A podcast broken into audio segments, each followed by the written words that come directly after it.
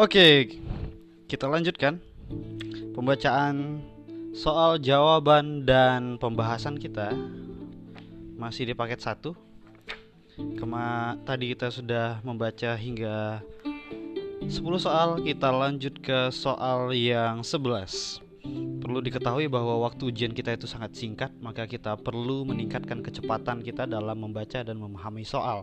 Karena mengulang soal dan membacanya kembali tentu akan membutuhkan waktu yang lebih lama dan mempersingkat waktu kita dalam menyelesaikan sehingga mungkin kita tidak mempunyai waktu untuk uh, mengecek kembali jawaban kita. Jadi uh, kita perlu membacanya dengan cepat dan memahaminya tanpa harus mengulang kalau bisa dilakukan. Kalau tidak bisa ya apa boleh buat. Oke kita lanjutkan.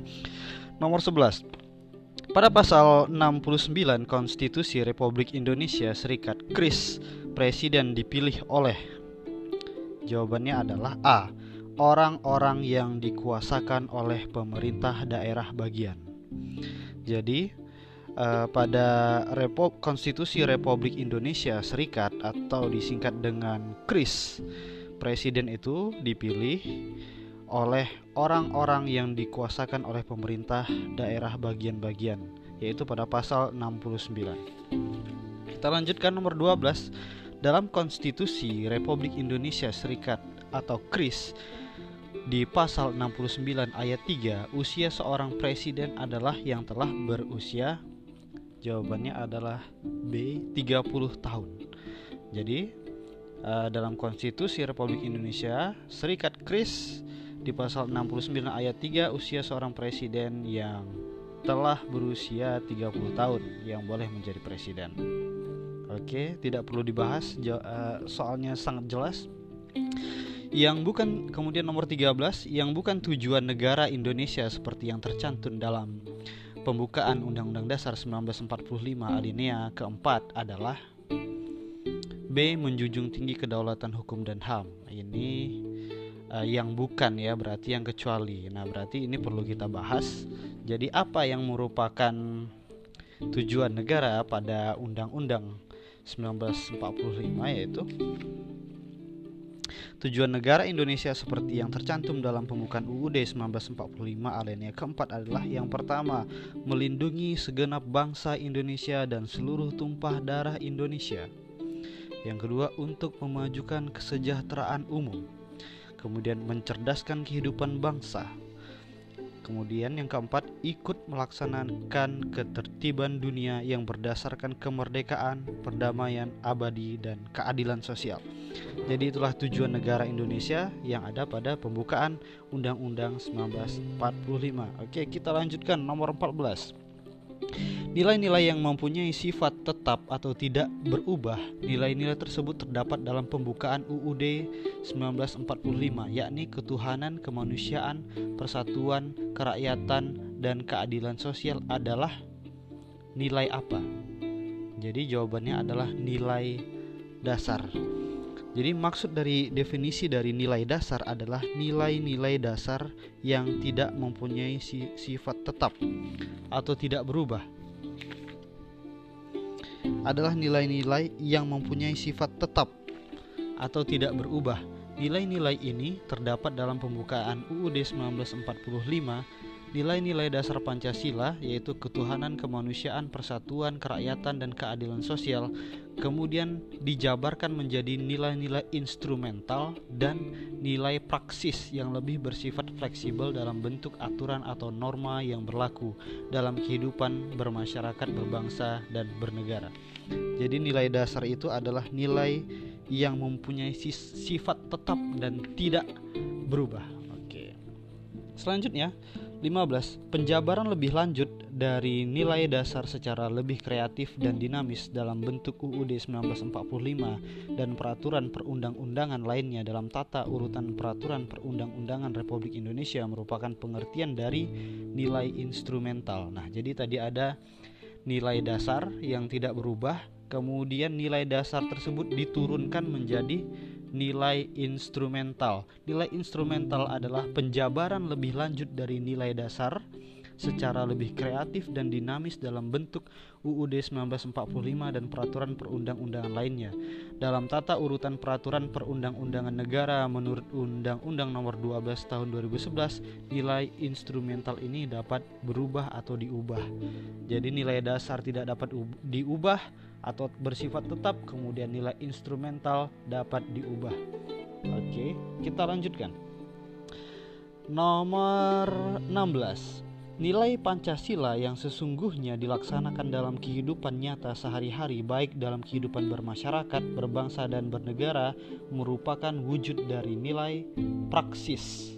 Nilai praksis. Jadi ada nilai dasar yang tidak dapat dirubah, nilai instrumental turunan dari nilai dasar tadi kemudian penerapannya merupakan wujud dari nilai praksis.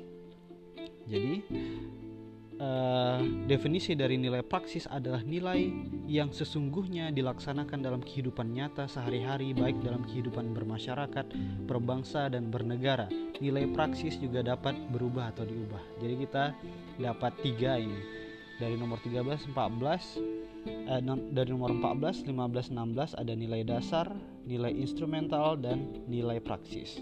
Kita masuk nomor 17. Masa pemerintahan Indonesia yang menganut demokrasi liberal adalah periode pemerintahan pada tahun. Nah, pada tahun jawabannya adalah 1950 hingga 1959. Nah, ya jadi saya ulangi, masa pemerintahan Indonesia yang menganut demokrasi liberal adalah periode pemerintahan pada tahun 1950-1959. Ingat ya, demokrasi liberal 1950-1959. Oke, kita lanjutkan.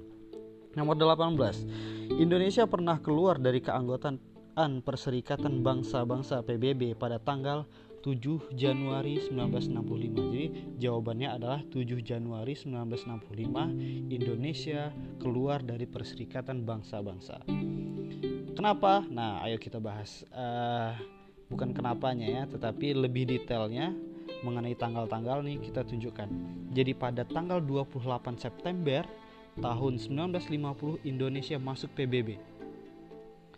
28 September 1950 Indonesia masuk PBB. Kemudian 13 Desember 1957 deklarasi Juanda.